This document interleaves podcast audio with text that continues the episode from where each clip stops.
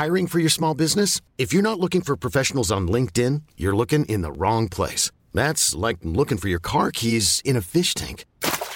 LinkedIn helps you hire professionals you can't find anywhere else, even those who aren't actively searching for a new job but might be open to the perfect role. In a given month, over 70% of LinkedIn users don't even visit other leading job sites. So start looking in the right place. With LinkedIn, you can hire professionals like a professional. Post your free job on linkedin.com slash achieve today. Hej Jacob. Hej Esben. Havde du en god påske? Jeg havde en dejlig påske. Jeg var en tur i Berlin, og det er jo altid spændende, og også lige nu. Ja. Jeg sidder der og læser lidt tyske aviser og får stavet sig igennem. Du er god til tysk. Jeg, jeg kæmper lidt mere med det, men øh, det, jeg kan sige, at det er spændende at læse tyske aviser lige for Og hvad var, hvad var stemningen? Ligesom Berliner stemning, eller kunne man godt mærke Ukraine-krigen også i... Øh... Ved du hvad, jeg, jeg synes, man kan godt mærke Ukrainekrigen lidt mere end i København på den måde, at du ser ukrainere mm. i gadebilledet, og man ser øh, hjælpestationer, hvor ukrainere kan få hjælp. Man ser plakater i gadebilledet om, hvor de kan gå hen og få gratis øh, lægehjælp og den slags. Det fylder lidt mere, end det gør i København, uden at det er uden at det er rigtig overvældende, synes jeg, men, men, men man kan jo så især se det i, i aviserne, ja. fordi at den tyske debat, og det kan vi jo snakke lidt videre om, er, er vild lige nu. Ja. Mm. Jeg har også en god påske. Ja, hvad lavede du? Ja, jeg var ude at cykle på en racercykel. okay. Og så læste jeg faktisk op på øh, en masse dansk politik i 80'erne. Okay, hvorfor øh, det? Ja, interesse. øh, nej, men det er selvfølgelig den der, øh, det der, øh, der har været en lang periode, også internationalt, hvor man har diskuteret meget om det der med oliekrise i 70'erne, inflationskrise, øh, hvad det hedder, vækstkrise, alle de der ting, mm-hmm. øh, som 80'erne jo på en eller anden måde blev et svar på. Øh, mm-hmm. Og det tænker jeg, der, tænker det, der er jo nogle paralleller der. Der er faktisk ja. mange paralleller, ikke? Okay. Altså fra Slytter, genopretning, øh, fodnoter, alt det der, fordi Mhm. Altså et af den der historie om, hvordan vi fik etableret det her jernbanespor, som dansk politik på mange måder stadigvæk kører på, konkurrencestat og alt det der, hvad vi snakker om, økonomiske reformer. Ikke? Ja. Men der er også noget, der slår en, det er, hvor meget diskussionerne i dansk politik i 80'erne, de store diskussioner, ligner de diskussioner, øh, vi, øh, vi ligesom har i dag. Som om, at dansk politik ligesom bevæger sig i sådan nogle koncentriske cirkler, hvor det sådan flytter sig sådan ganske, ganske langsomt. Ikke? Men altså, du ved, øh, dengang diskuterede vi øh, også sådan noget med det vestlige forsvarssamarbejde, nemlig ja. NATO. Ikke? Ja, Og den, var præ- den danske debat er præget af det samme som EU-diskussionen om, om folkeafstemning, ja. om, om vores forsvarsforbehold er. Øh, den her, der er noget, der er både noget sådan noget, hvad jeg synes er sådan lidt hændervriden, der er det her med, bliver vi en del af et meget, bliver vi suget op i et meget større spil, Ja. hvor vi mister vores, øh, vores, øh, vores frihed, ikke? Det er også i 80'erne, man ser, at øh, miljødebatten lige pludselig dukker op og bliver politisk central i, i valgkampe. Ja. Øh, det er sjovt at, at lægge mærke til. Og så synes jeg, der er andet, der er sjovt i slutningen af 80'erne, bryder den her diskussion op internt hos de borgerlige. Hvad vil det sige at være borgerlig? Hvem er egentlig de rigtige borgerlige? Venstre begynder at gå i meget i kødet på konservativ og slutter for ikke at være ægte borgerlige og begynder at profilere sig som sådan et borgerligt-liberalt øh, modstandsparti, og det var jo det, der gjorde, at Mhm. mm-hmm. Venstre begyndte at, at vokse og til sidst tog øh, fører, førerrollen i, øh, i, i, i det borgerlige Danmark. Hvad, den hvad læste du ligner egentlig? jo Nu bliver bare øh, nysgerrig. Hvad? hvad, hvad, hvad læste du så? Jamen, jeg, jeg har læst en, øh, en, bog, en bog af Niels Vium, en 750 sider lang bog, som Ah. gennemgår år for år, øh, hvad det hedder, Meget Schlüters rost bog. periode. Ja, okay. Meget, meget ros bog, og det var forgængeren, øh, som handlede om 70'erne øh, også. Ikke? Jeg tror, meningen er faktisk også at komme Læg lige, et, 90'erne. øh, læg lige, Ja. læg lige et, et link til den øh, ud i, øh, i noterne til, til podcasten, så man kan finde det. Det lyder fedt. Jeg tænkte faktisk, at, at netop de der paralleller var faktisk, hvad der skulle være dagsordenen i dag. Altså ja. EU-diskussionen yes. øh, om forsvarsforbeholdet. Klima, det har været den helt store klima i dansk politik øh, den her uge. Ja. Og så kan man diskutere Liberal Alliance og liberalismens øh, sådan, øh, tilstand og vilkår i, i Danmark, fordi øh, LA'erne mødes. Øh, vi optager her fredag, og i morgen lørdag, der mødes de til deres øh, årsmøde, landsmøde. Yes. Jakob, skal vi ikke få vores speedsuits på og komme op på vores racercykler, så vi kan få smidt de ekstra kilo fra påskefrokosterne og tage ud i det bakkede landskab, der er dansk politik?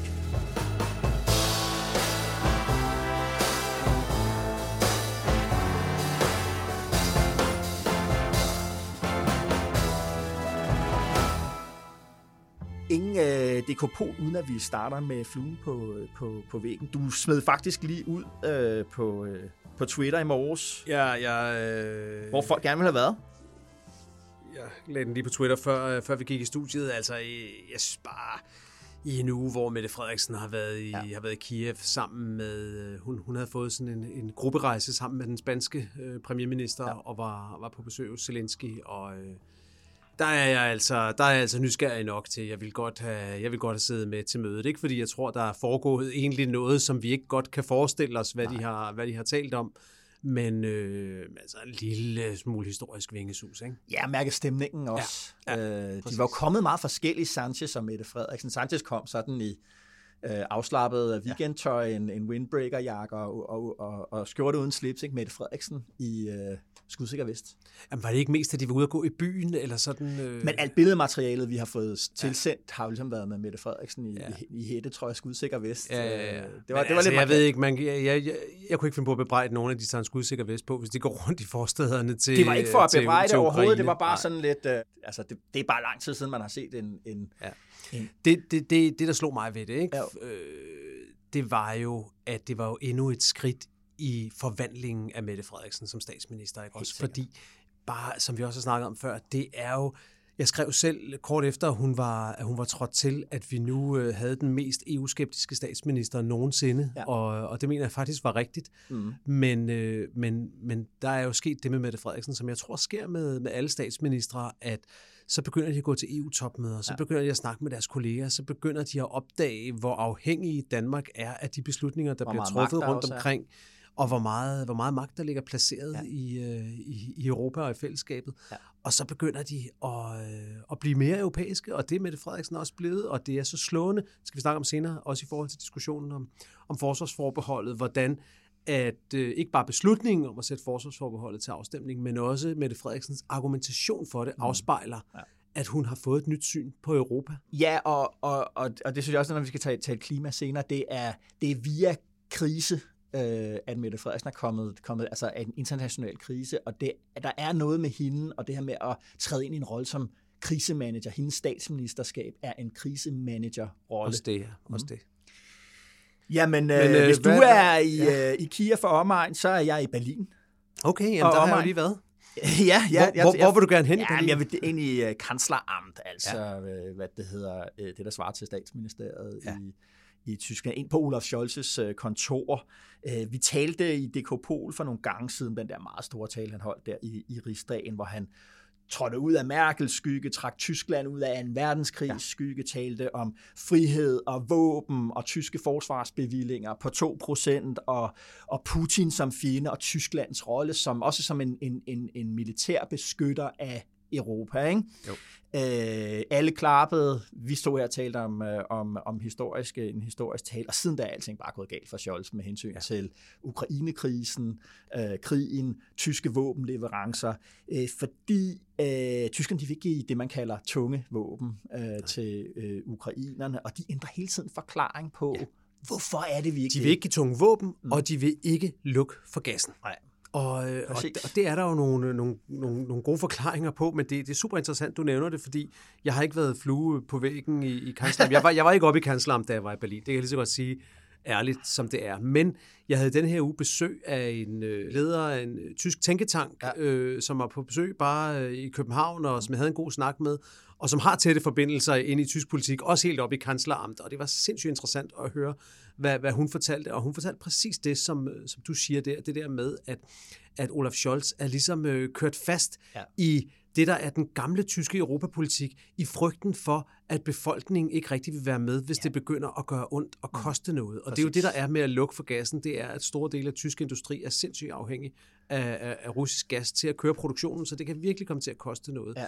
Det er det med at sende våben ud og rigtig træde ind på scenen. Ja og, øh, og, og sende tunge våben. Der, kan der, vi det som tyskere? Præcis, og der kan man sige, det, det der med gassen, det har jo været helt op at vende den her uge, fordi ministerpræsidenten, hun hedder Manuela Schwesig i Mikkel, øh, hvad det hedder, Mecklenburg-Vorpommern, altså hun er blevet, altså pressen har, har sandsynliggjort, hun står under anklage for, altså sådan på sådan helt russisk manér, have, øh, have skabt en øh, miljø-NGO, som i virkeligheden er en lobbyorganisation for Gazprom, og der skulle arbejde for Nord Stream 2, altså den her øh, mm. gasledning fra Rusland udenom Ukraine ned igennem mm. det, øh, hvad det hedder, Østersøen til, til Tyskland, som munder ud i Mecklenburg-Vorpommern.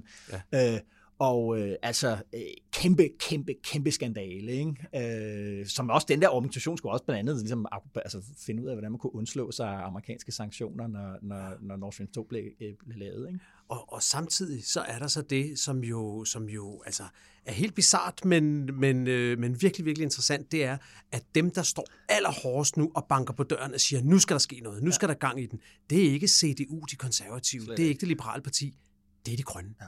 Det er simpelthen de grønne. Jeg har faktisk, jeg har faktisk lige fundet et klip, som jeg lige øh, som lige skal høre. Prøv lige at høre det her. Ja.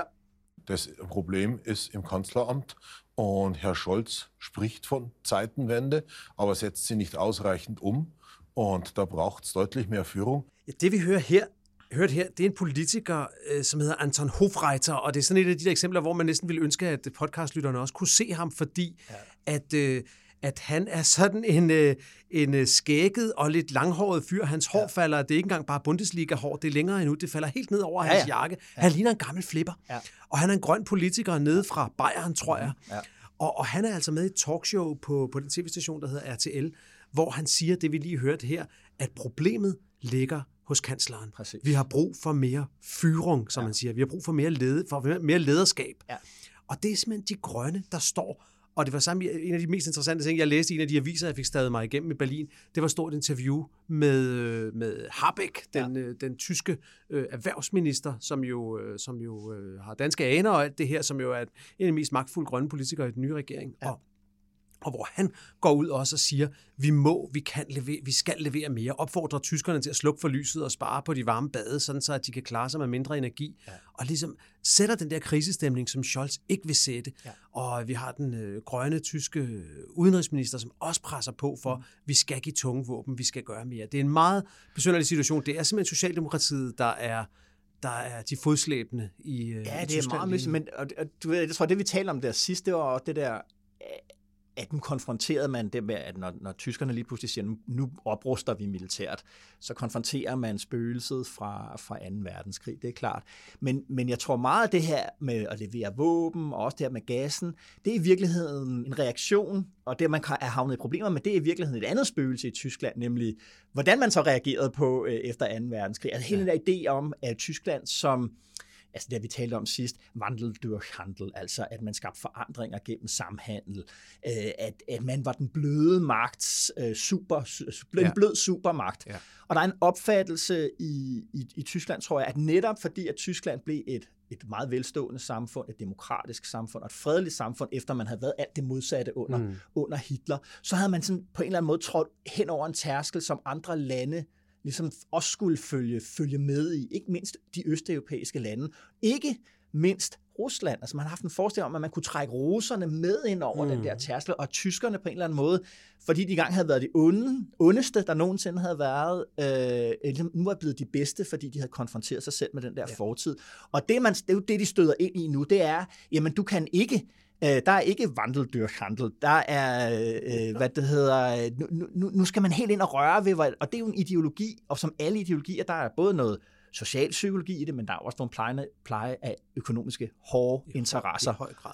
Ikke? Øh, tyskerne vil ikke, og det viste de også under eurokrisen, de vil ikke kompromittere sig selv som eksportnation det er så dybtliggende. Mm. Øh, og der kan man sige, der er hele den der øh, den ideologiske forestilling om men blød det, magt, det, det går ind og beskytter nogle, nogle, nogle økonomiske interesser, som Klar. tyskerne kan konfrontere. Men det, der er det store spørgsmål, og som jeg tror, ingen rigtig har svaret på lige nu, det er, om den tyske befolkning stadigvæk ligger der, eller om den i virkeligheden nu er foran ja. SPD og Socialdemokraterne, ja. fordi der er det der berømte citat fra den tidligere polske udenrigsminister Sikorski, som sagde, i, i 70 år har vi været bange for, at, øh, at Tyskland skulle styre Europa. Nu er vi bange for et Europa, hvor Tyskland ikke tager styringen. Ja. Og det er lige præcis det, som SPD står med lige nu, det tyske socialdemokrati. Tør de at gå ind og tage føringen, mm-hmm. både i forhold til Tysklands internationale rolle? Kan, kan Tyskland lede andre lande? Kan de stille ja. sig i spidsen? Men også i forhold til vælgerne. Mm. Tror de på, at vælgerne vil være med, hvis de siger, venner, vi er nødt til at tage ansvar. Det er ikke nok bare at producere Mercedes og, og gode vaskemaskiner. Nej. Vi skal også ud, og det er pissespændende.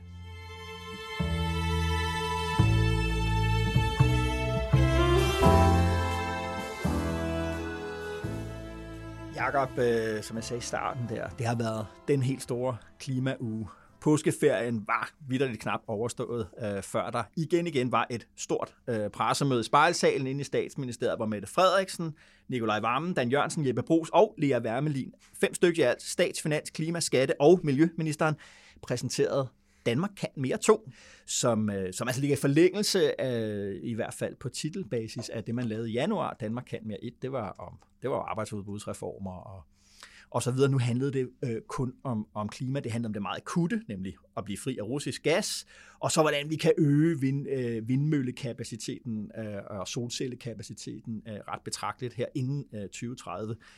Dagen efter Øh, det var så tirsdag, dagen efter onsdag, der var Dan Jørgensen og så over hos Jeppe Brugs i Skatteministeriet klemt ene mellem ham og erhvervsminister Simon Koller, hvor de præsenterede den, den danske CO2-skat, og hvis Nikolaj Vammen ikke havde været til IMF-møde i Washington, så havde han også øh, været der. Øh, hvad, har du, øh, hvad har du tænkt?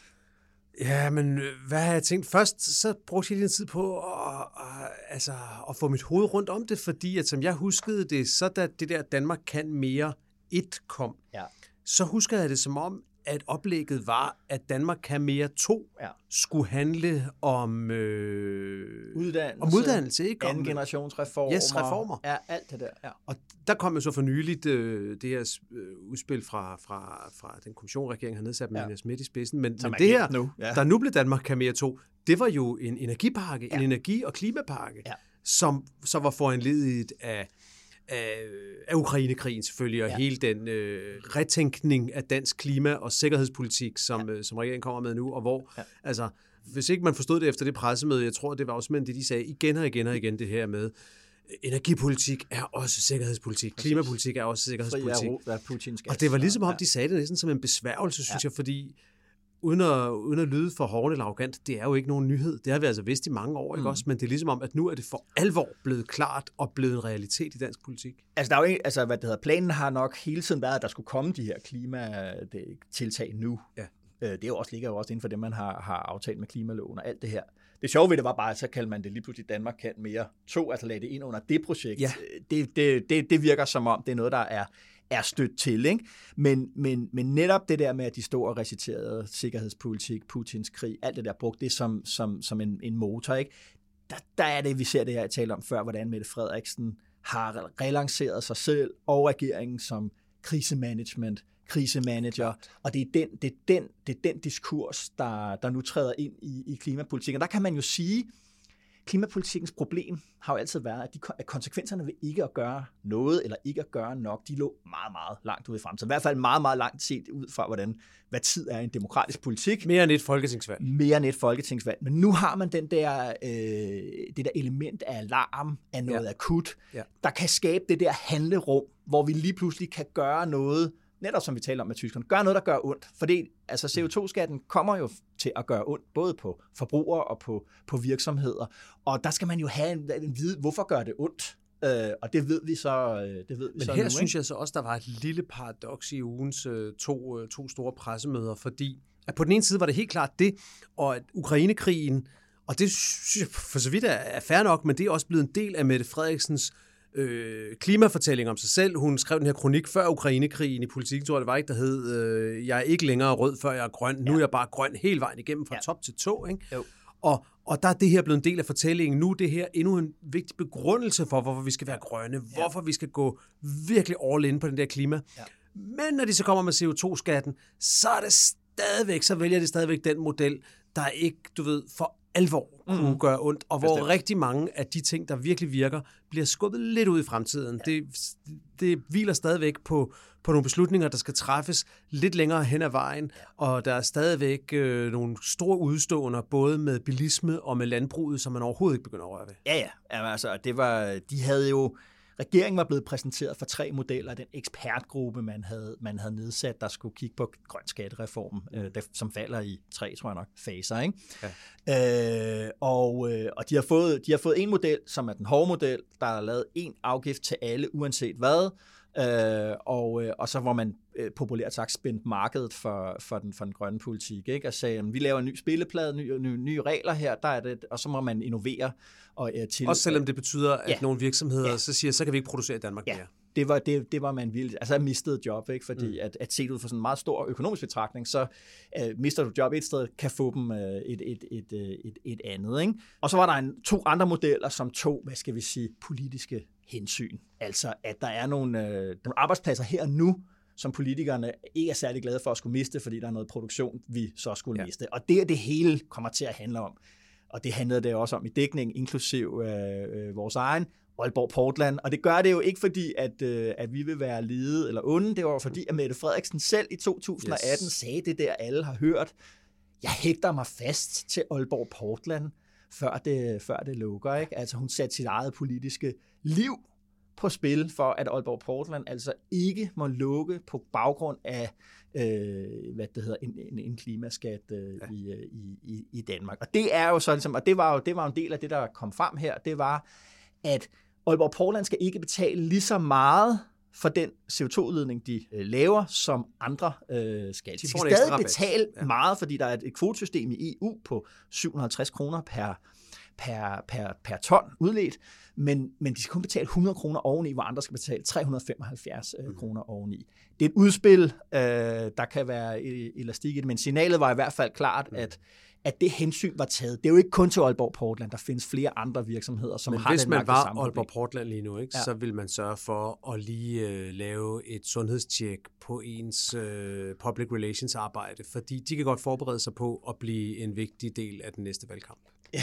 det er 100% sikkert. Ja. Uanset om de kan lide det eller ej, det gør ja. de bare. Ja. Så synes jeg, der var noget andet, som vi lagde mærke til, som det specielt gjorde sig gældende. Det grund til, at Lena, øh, Lea Wermelin var med på det første pressemøde, ja, det er jo det her med, at, at man for at skulle etablere havvindmøller og vindmøller på land og solcelleanlæg på land, bliver nødt til i regeringsopfattelse og øh, hvad skal man sige, gøre vedtagelsen og etableringen noget hurtigere, og det vil sige, at man til side sætter miljøhensyn, øh, landskabelig værdi, alle sådan nogle ting. Øh, og hvad der præcis ligger i det, det ved vi jo ikke endnu. Det, bliver, det, det, det skal det, jo så som, være del af. Øh, som vores kollega her i Koldstein meget morsomt sagde i vores øh, daglige podcast Azure, hvor han sagde, Hasselmusen er jo et sødt dyr, men den ja. skal nok forberede sig på, at der ikke bliver taget helt så meget hensyn til den i fremtiden, Præcis. som der er blevet gjort indtil nu. Og det er jo interessant, at miljøpolitik og klimapolitik ikke længere går hånd i hånd. Øh, det er også historisk interessant, fordi grunden til, at Danmark har været foran på klimapolitik, det er jo fordi, at der var en grøn bevægelse på civilsamfundsniveau, øh, som havde arme ind forskellige steder i politik, altså i på venstrefløjen selvfølgelig, men jo også øh, i et parti som det konservative Folkeparti. Danmarks Naturfredningsforening var jo var der mm. masser af konservative, der var ja. Øh, ind i for år tilbage. Det er ikke helt det samme man i dag. Kan jo se det også med, man kan jo se det også med debatten om, øh, om de her nye energiøer, Præcis. at klimabevægelsen og miljøbevægelsen er ved at gå separate ways. De det er, ikke, er de grøn mod grøn, som en regeringskilde sagde til mig her den anden dag. Ja. Ikke? Og det er de også selv sådan lidt, gå ved, hvordan det spiller sig ud. Men det er altså, grund til, at Lena Wermelin, stod der en miljøminister, Lena, øh, Lena Wermelin, det er jo fordi, det er hende, der skal tage slagene med, med, med, med miljøorganisationerne og miljøbevægelserne derude og sige, at tingene er blevet, øh, blevet anderledes. Det er historisk interessant, synes jeg. Ja. Tak fordi du lytter med. Husk, at du nu ikke behøves at nøjes med at lytte til DK men kan være med live, når Jakob og jeg tager ind på Hotel Cecil i København og optager DK Det er den 17. maj kl. 8 om aftenen. Du er med før, under og efter optagelsen, og bagefter fortsætter vi snakken i baren over en øl. Gå ind på ticketmaster.dk og bestil dine billetter, eller gå ind på altinget.dk og klik dig ind på billetbestillingen der. Mit navn er Esben Schøring. God dag og god vind.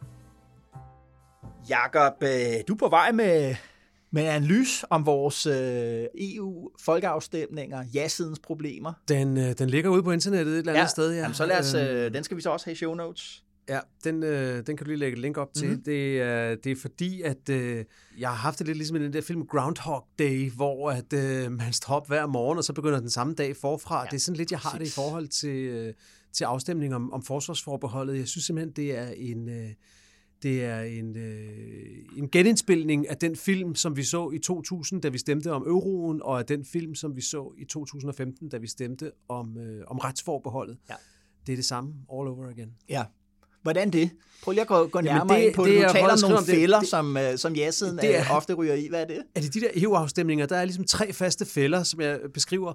Og der, hvor vi er nu, hvor der mhm. stadigvæk er fem uger til, til afstemningen, det er, at ja-siden allerede er faldet i to af de tre fælder, ja. og nu har de ligesom en tredje tilbage, de måske kan undgå. Men ja. de, tre, de tre fælder, det er et, den fælde, der hedder, at det hele er noget snyd og bedrag. Ja. Og det er en diskussion, der kommer hver gang, vi snakker om EU. Mm-hmm. Så bliver ja-siden beskyldt for at snyde. De har valgt tidspunktet på et uret, uret, det er et uretfærdigt tidspunkt, de vælger at tage afstemningen på. Ja. De vil på at snyde befolkningen, ja. og de vil også øh, udforme stemmesedlen på en måde, som manipulerer med vælgerne den har vi ligesom haft, ikke ja. også? Og ja, siden faldt i med et brag, og de måtte lave stemmesedlen om, og hele den debat, det er bare kørt lige efter bogen. Ja. Nummer to fælde, det er den, der hedder, ja-siden skjuler, at der i virkeligheden kommer meget mere union, end de siger ja. offentligt. Altså, ja.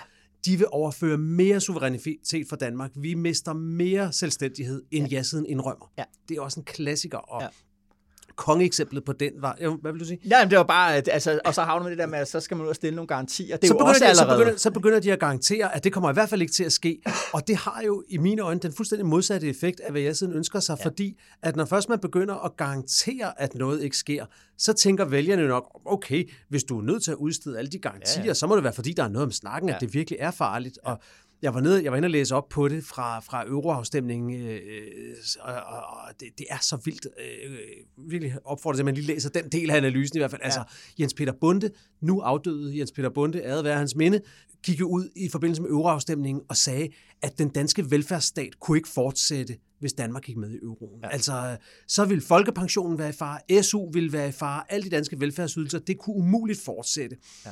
Og de der, de der ting, de skabte jo panik i, i, i ja-kampagnen ja. i Poul Nyrup Rasmussens regering dengang. Så Poul Nyrup, han besluttede sig for at skrive et brev til de dengang 14 andre EU-lande, hvor de ligesom skulle garantere, at folkepensionen ikke var i fare. Ja. Og det var selvfølgelig en dødfødt idé, fordi der var jo ikke nogen statsminister i Spanien, eller i, eller i Tyskland, eller Belgien, der ville til at skrive breve om, danske velfærdsydelser, det anede de jo ikke noget om. Hvad, hvad skulle de sige? Det kunne ja. de ikke. Det var, det var en vanvittig idé. Så det måtte han selvfølgelig droppe igen ja. og sende det der brev til EU-landene. Ja. Og så i stedet for, så gjorde øh, alle ja-partierne dengang det, at de lavede en fælles garanti, hvor de lovede, at folkepensionens grundbeløb ja. og ekstraydelser ikke ville blive forringet i mindst 10 år efter euroafstemningen. Ja.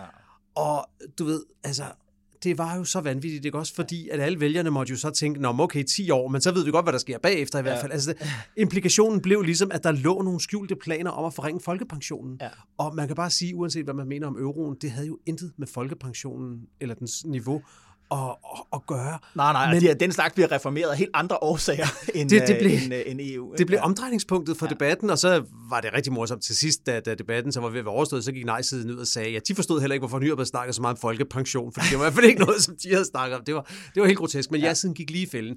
Retsforbehold... Sidste, sidste fælde, Jakob. Jeg skal, jeg skal lige ja. sige en ting om retsforbeholdet, men ellers skal man læse analysen, men ja. det er, at retsforbeholdet, det var jo et helt sindssygt eksempel på den fælde, fordi der var selve afstemningen jo lavet på en måde, så vi ikke stemte om afskaffe retsforbeholdet, Nej. men vi stemte om at lave sådan en meget, meget kompliceret øh, tilvalgsordning, ja, ja.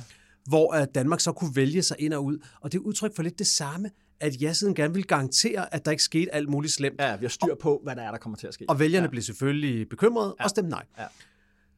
Så det er det andet felt. Den er de også faldet i denne her gang, ikke? fordi øh, Jeppe Kofod har jo nu været ude og garantere, Præcis. at øh, hvis EU-forsvarssamarbejdet en dag skulle gå hen og blive overstatsligt, altså sådan, så Danmark måske i teorien kunne blive tvunget til at sende soldater i krig mod ja. vores vilje. At der ikke vil være vetoret. At der ikke vil være vetoret. Ja. Så skal der nok komme en folkeafstemning mere. Ja. Og det er jo igen, ja. det er fuldstændig det samme. Det er, ja. i stedet for at afmontere frygten, så kommer han på en eller anden måde til og, bekræfte den. Ja, ja, ja. Nå. Ja. Det er de to fælder, og de er faldet i. Så er der den tredje fælde, hvor jeg ikke synes, de er faldet i endnu. Ja. Og det er den fælde, der hedder, at når kampagnen spidser til, så begynder ja-siden gerne at lave en skræmmekampagne ja. og sige, det går helt, helt galt, hvis vi ikke afskaffer præcis. det her forbehold. Ja, præcis. Når du lige siger det der, så lad os lige faktisk tage fat i det der pressemøde der fra i tirsdag, så lige høre, da ja. Mette Frederiksen bliver spurgt om det der med, med, med, med forbeholdet. For der har jeg nemlig fundet øh, et, det vil jeg jo nemlig mærke til der. Øh, det kommer, det kommer her.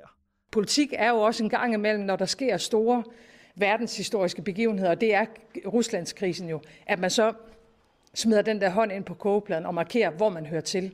Og jeg synes, Danmark skal høre fuldstændig til sammen med vores allierede. Ja, det hun siger der, det er det der, at øh, jamen, det går ikke helt af helvede til hvis vi ikke er med. Vi kan stadigvæk gøre rigtig, rigtig meget. Det her det handler egentlig slet ikke om på en eller anden måde, om hvad vi kan gøre, hvad vi ikke kan gøre, men det er en, vi signalerer, at vi står sammen. Er det, hun, yes. hun siger der. Og der undgår hun jo netop, hvad skal man sige, Project 4, Lige præcis. Øh, som, øh, som øh, ja-partier og ja-kampagner, ikke bare i Danmark, men jo også øh, i Brexit-afstemningen, meget hurtigt falder i. Ja. Ikke? Tro med død ødelæggelse af dommedag, hvis ikke øh, siger ja. Jeg synes, øh, jeg synes, det var så interessant, at hun sagde det der, fordi at hvis ja, hvis ja-siden kan fastholde det der, så, øh, så tror jeg, at de har en større chance for at få et ja hjem, fordi Præcis. det er jo det ærlige argument. Ja. Det er, at det, det, er, det er ikke det, der kommer til at forandre hverken øh, Danmarks eller Europas fremtid, om Danmark har det forsvarsforbehold eller ej. Øh, det er der andre ting, der, der afgør. Mm. Men det er et spørgsmål om, Hvem vil vi gerne være? Ja. Vil vi gerne vise og signalere, at vi står sammen med de her lande, ja. som vi er i klub sammen med? Ja. Eller vil vi godt stå lidt på sidelinjen? Jeg talte med, med nogle kilder op på Christiansborg, og det er jo altså noget af det, som ja-kampagnen sidder og kigger på ret intensivt. Øh, altså forskellige altså vælgerundersøgelser, og netop ja. undersøger det der med, jamen, hvordan er det, vi undgår på en eller anden måde at komme netop ind i sådan noget projekt. De ved det godt, det, der bare er svært for dem, det er jo, når så først debatten og kampagnen kører, kan man holde fast øh, i det. Måske også fordi, at, at, øh, at at der er jo også et værdikampselement fra ja-siden i det. Altså det skal man, der er nogle følelser her, øh, også som, øh, som, som findes på, på, på, på ja-siden. Måske sådan mest sådan tydeligt set, ligesom et parti som det radikale venstre, der sådan, ja, måske han har en tendens til at mene, ligesom, at hvis vi ikke er med, så går det rent faktisk mm. galt. De er bange for ikke at være med, ja. hvor man kan sige, at nej-siden kan være bange for, hvis vi kommer med. Ikke? Jo.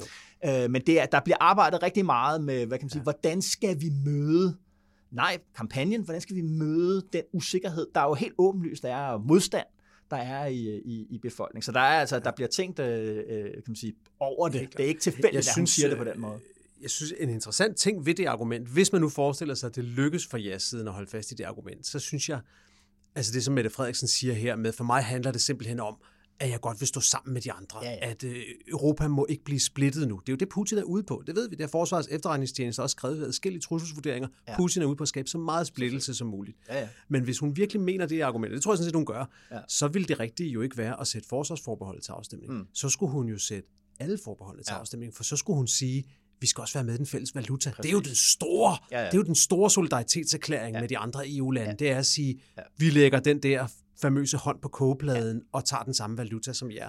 Den har hun valgt ikke at gøre, og det tror jeg helt lavpraktisk hænger sammen med, at hvis hun havde taget den store afstemning, ja.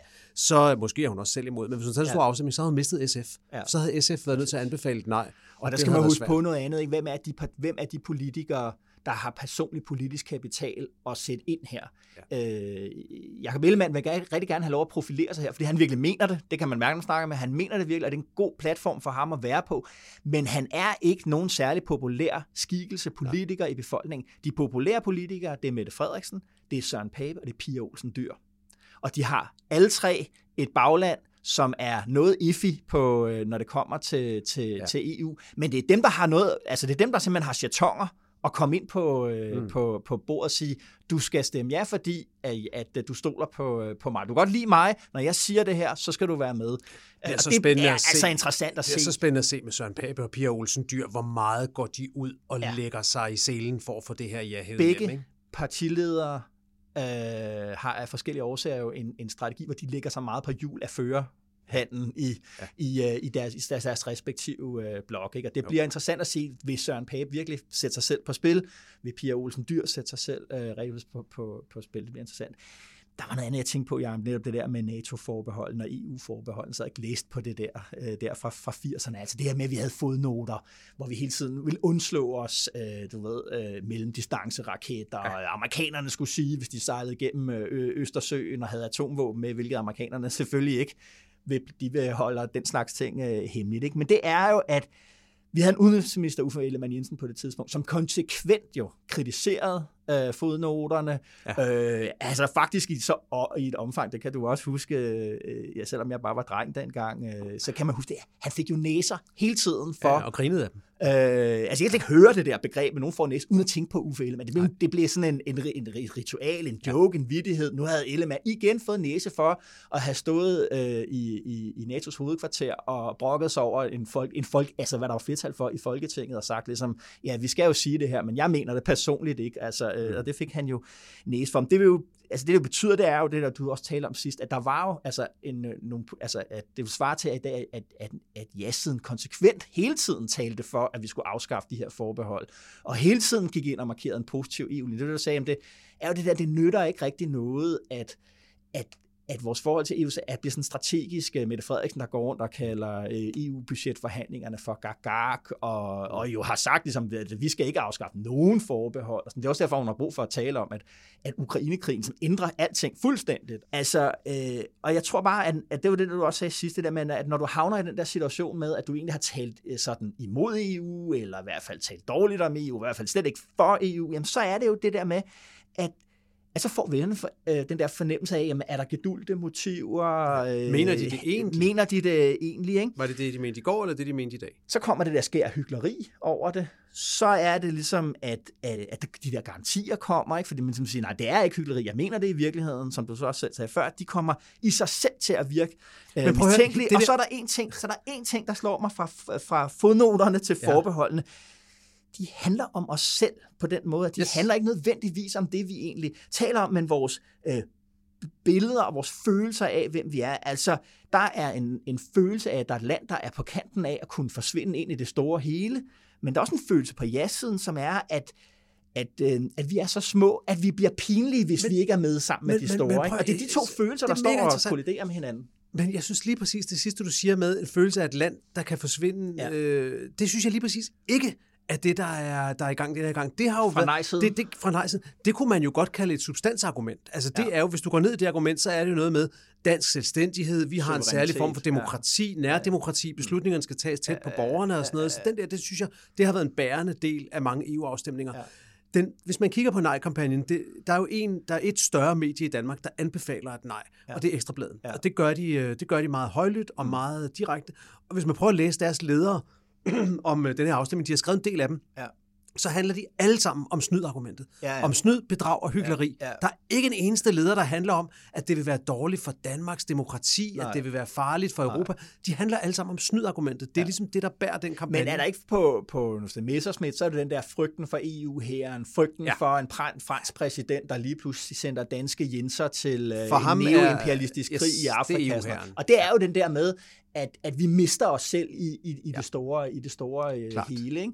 Og fra ja-siden, de har, og det, var, det, er på den der fælde, man ikke er faldet ind i nu. Project 4 er jo, er jo altså set i sådan en intern politisk kamp, den, den der følelse med, at Danmark er et lidt provincielt land, og nu skal vi altså også se at, at komme med på det internationale, det moderne, som kommer udefra et andet sted, og det er pinligt og skamfuldt. Det, der bliver spændende nu, det, Den er jo i gang. Hvis du, Janne Jørgensen, hvis du kigger på den måde, han argumenterer ja. på, så det der med, nu bliver det pinligt at være dansker, fordi at ja. vi ikke øh, vil, vil sige ja, ja til... Held og lykke med den kampagne, ja, det, siger jeg bare. Den ja. tror jeg ikke på. Men, men det, jeg synes, der, der bliver spændende, og det er jo interessant, om det når at blive rigtig en del af valgkampen, det ja. er jo, om Sverige og Finland kommer til at betyde noget. Fordi ja. nu er det fuldstændig tindrende klart for alle, ja. at Sverige og Finland er på vej ind i NATO. Ja. I denne her uge skete der det, at Aftonbladet, som er den største svenske avis, ja. tabloidavis, ja. og som har et klart socialdemokratisk hældning, ja.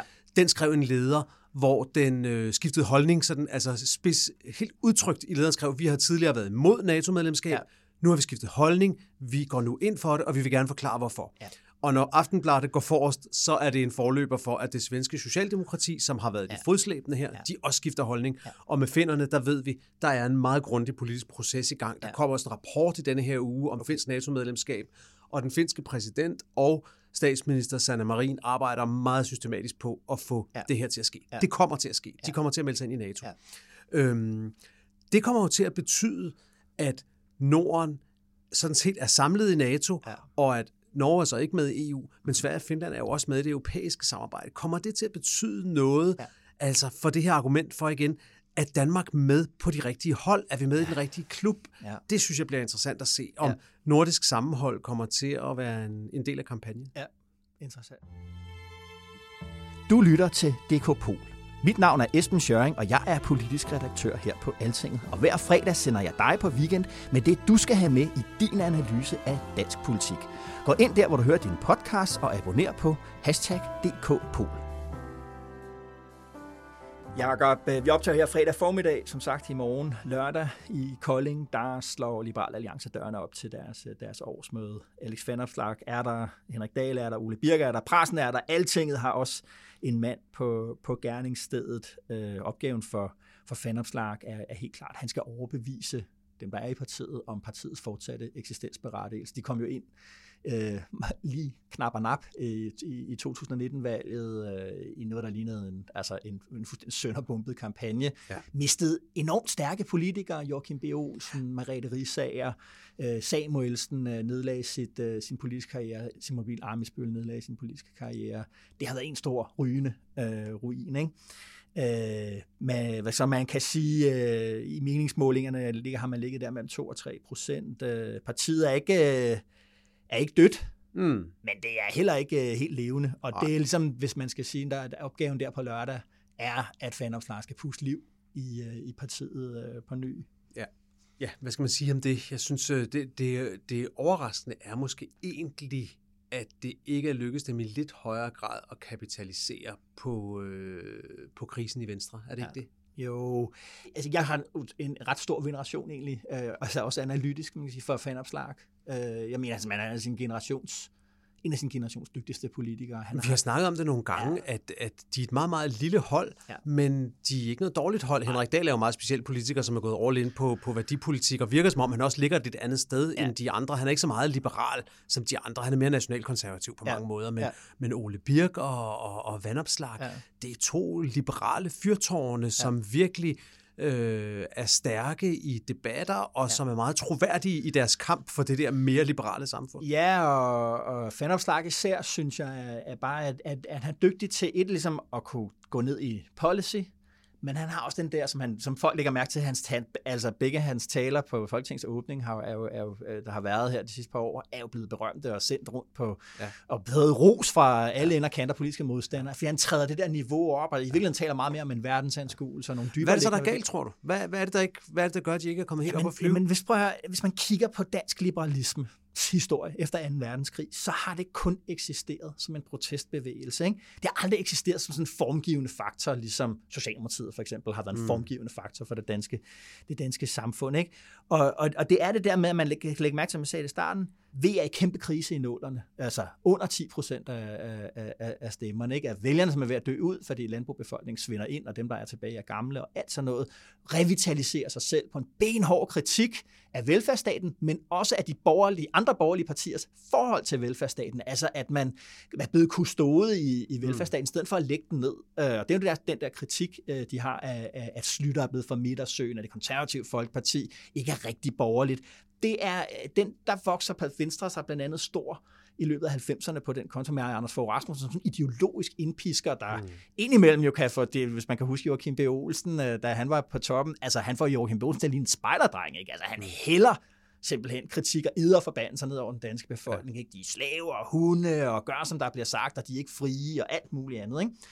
Så drejer Fogh ind mod midten selv, Ja. Og det er jo virkelig det, som LA opstod af. LA opstod som protest imod, at øh, Anders Fogh Rasmussens politik, altså han ikke var borgerlig nok, at den, nu havde man haft regeringsmagten i næsten 10 år. Hvad var det blevet til på mindre skat, mindre stat, øh, mere beskyttelse af, af den private ejendomsret og alt det der, øh, øh, overvågning etc. Øh, det var ikke blevet til noget. Der fik man en opblomstring sent i nålerne, bliver store, så rører man mm. ved magten der med, sammen med, med Lars Løkke, VLAR-regeringen der fra, fra 16 og frem, og så brænder det hele det hele, det hele ned. Ikke? Måske, måske er problemet så også lidt, at at de opbrugte også meget kapital og meget troværdighed ja. på det der regeringssamarbejde i forhold til den økonomiske politik. Det det. Altså, det, der har de bare en svaghed, fordi at de kørte hele det der med at kravle op i træet og alle de der topskattelettelser og sådan noget. Ja. Det blev en joke til sidst. Jo. Og problemet er måske, at de ikke har så meget andet på hylden. At det er for smalt et parti. Altså, fordi det synes jeg er ulempen ja, ved VA. Det er, at de, de, de er hverken sådan personmæssigt eller emnemæssigt, ja. kønsmæssigt på alle ja, andre måder. De er ikke noget særligt bredt parti. Nej, men, men det de jo havde, øh, synes jeg, med nogle af de, altså en en uddannelsesminister som Merete Risager, ja. som jo opnåede det her helt mærkværdige med at blive en meget afholdt minister af folkeskolelærerne. Altså folk, der aldrig ellers ville stemme på hende, havde hun en enorm veneration for, fordi hun gik meget op i faglighed og dannelse. Og jeg synes egentlig, at, og det ved jeg også, når man taler med folk i LA, det, de, de, de savner hende, så at sige, de savner den position, fordi, og det er noget det, man også kan lægge mærke til, når Alex Vanopslag for eksempel taler om den der folketings, øh, talen til folketingsåbning øh, øh, øh, her i sidste år, altså hvor han taler om det der med du ved, ansvar, finde mening i ansvaret, fællesskabet og dannelse og alt det her, som jo ikke, der handler det ikke om økonomi og skat. Og, de savner jo helt sindssygt, de savner Merete Risager, de savner Christina Elund, ikke? Ja. De to politikere vil, vil virkelig gøre Og det ved partiet godt, og så vidt jeg har forstået på dem, så kommer der jo, altså man præsenterer kandidater frem mod sommerferien, som blandt andet skal løse det deres problem. Ikke? Men det, man kan sige med liberalisme i, dansk, øh, i, i, i moderne dansk politisk historie, det er, det er en kritik, som indimellem flytter offentlig dagsorden, indimellem flytter holdninger, Øh, det var jo noget, det Joachim B. Olsen gjorde. Han, den største liberale sejr i de sidste 10 år, det har jo været den der fattige karina diskussion mm. hvor han går ind og siger, hvor, han, hvor, hvor, hvor lige pludselig, jeg tror selv, politikken skrev leder om, at okay, der var ikke fattigdomsproblemer i Danmark på den måde. Det er det, som liberalismen tjener. Det, men det, det fører til, det er ikke, at vi får et helt andet liberalt samfund, men at der får, det er det, der bliver anledning til justeringer inden for, for velfærdsstaten. Og det er derfor, man ligesom, ved, fra kritik til justering, det er det, der gør, at dansk liberalisme bevæger sig i sådan nogle bølger af protest, det fører til nogle ændringer, men ikke fordi man ikke får indløst sit, uh, sin, sine politiske ambitioner, så daler det ned igen. Og det er den der bølge. Og det man kan sige, der er fanopslags opgave, det er at få skabt en ny opstigning. Ja.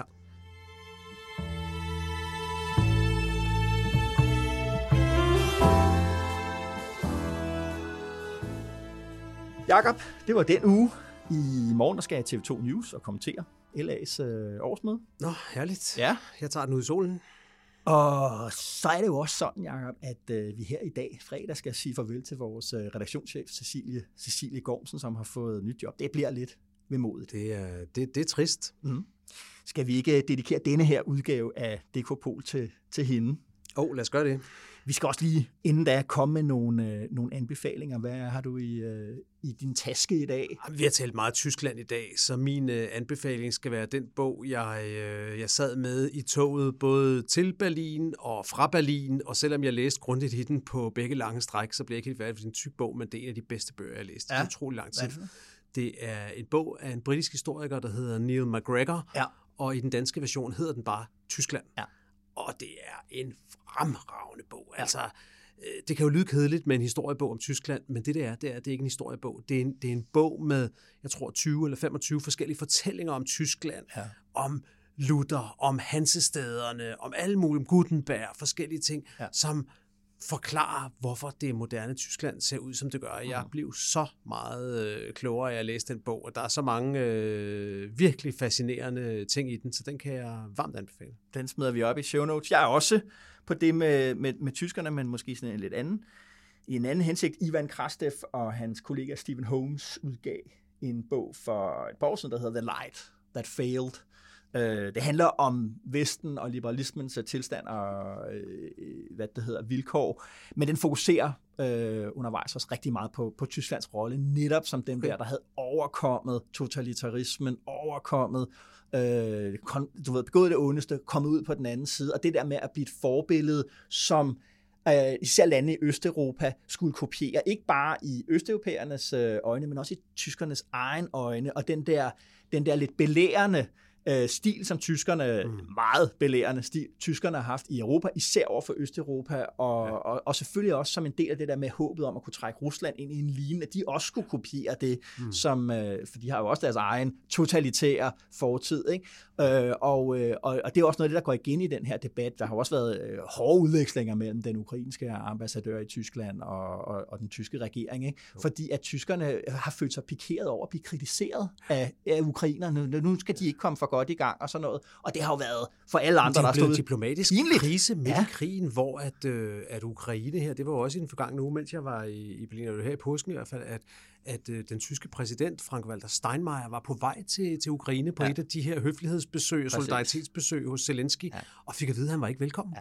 Og det var jo simpelthen fordi, at, øh, at han som tysk udenrigsminister havde været den fremmeste repræsentant ja. for denne her Præcis. Ruslands forstående linje, ja. og ukrainerne ville ikke se ham. Nej. Og det synes jeg, ekstra bemærkelsesværdigt var så, at Steinmeier var ude i et interview, jeg tror det var i Bild eller i Spiegel, jeg er ikke helt sikker, et af de store ja. tyske magasiner, ja. hvor han var ude og faktisk sige, jamen, øh, det vil jeg også godt sige undskyld for, jeg, jeg var for eftergiven, det er også rigtigt nok, hvad de siger. Ja. Og, så, ja. og så skete der jo så det, at Scholz skulle have været til Ukraine, ja. men det blev så også aflyst, og det er lidt uklart stadigvæk, synes jeg, om det var Scholz selv, der var blevet fornærmet, og ikke synes, han kunne tage det over, når præsidenten lige var blevet afvist, ja. eller hvad det var. Men hvor mindblowing er det ikke, at ja. der midt i sådan en krig kan opstå en diplomatisk Præcis. krise mellem Ukraine og Tyskland? Og der tror jeg bare, der synes jeg, at Kraste for Holmes har, har fat i, ja, også, de har også, de, de taler også med, med, med tyske diplomater der, og historikere, der, altså hvad er det med tyskerne? Det handler ikke mm. bare om nazi-fortiden, det handler også meget om reaktionen på nazi-fortiden. Ja, ja, ja. Og, og det er også derfor, man skal læse den der, den der, den der, den der Tysklandsbog, fordi den er selvfølgelig skrevet længe før Ukrainekrisen, men den ja. giver også meget langt tilbage nogle forklaringer på nogle af de der mekanismer i, øh, i tysk politik, som mm. er sindssygt interessante. Også på hele den, også på hele den decentrale opbygning, der er i tysk politik. Det er en ja, kæmpe forskel på ja. Tyskland og sådan et land som Frankrig for ja. eksempel. Det er Frankrig meget stærk centralmagt. Tyskland et land, der jo er samlet af en masse ja, atomer og forskellige. Ja. Det er en federation, ja. og har, og har, og har sådan opstået som sådan, og er først blevet samlet meget sent. Så, ja. Øh, og det er måske meget banalt, men super interessant, når man begynder at læse det op. Alright, Jacob. Tak for i dag. I måde. Også øh, tak til dig derude med DK Pol i ørerne. Det er vi så taknemmelige for. Mit navn er Esben Schøring. God weekend og god vind.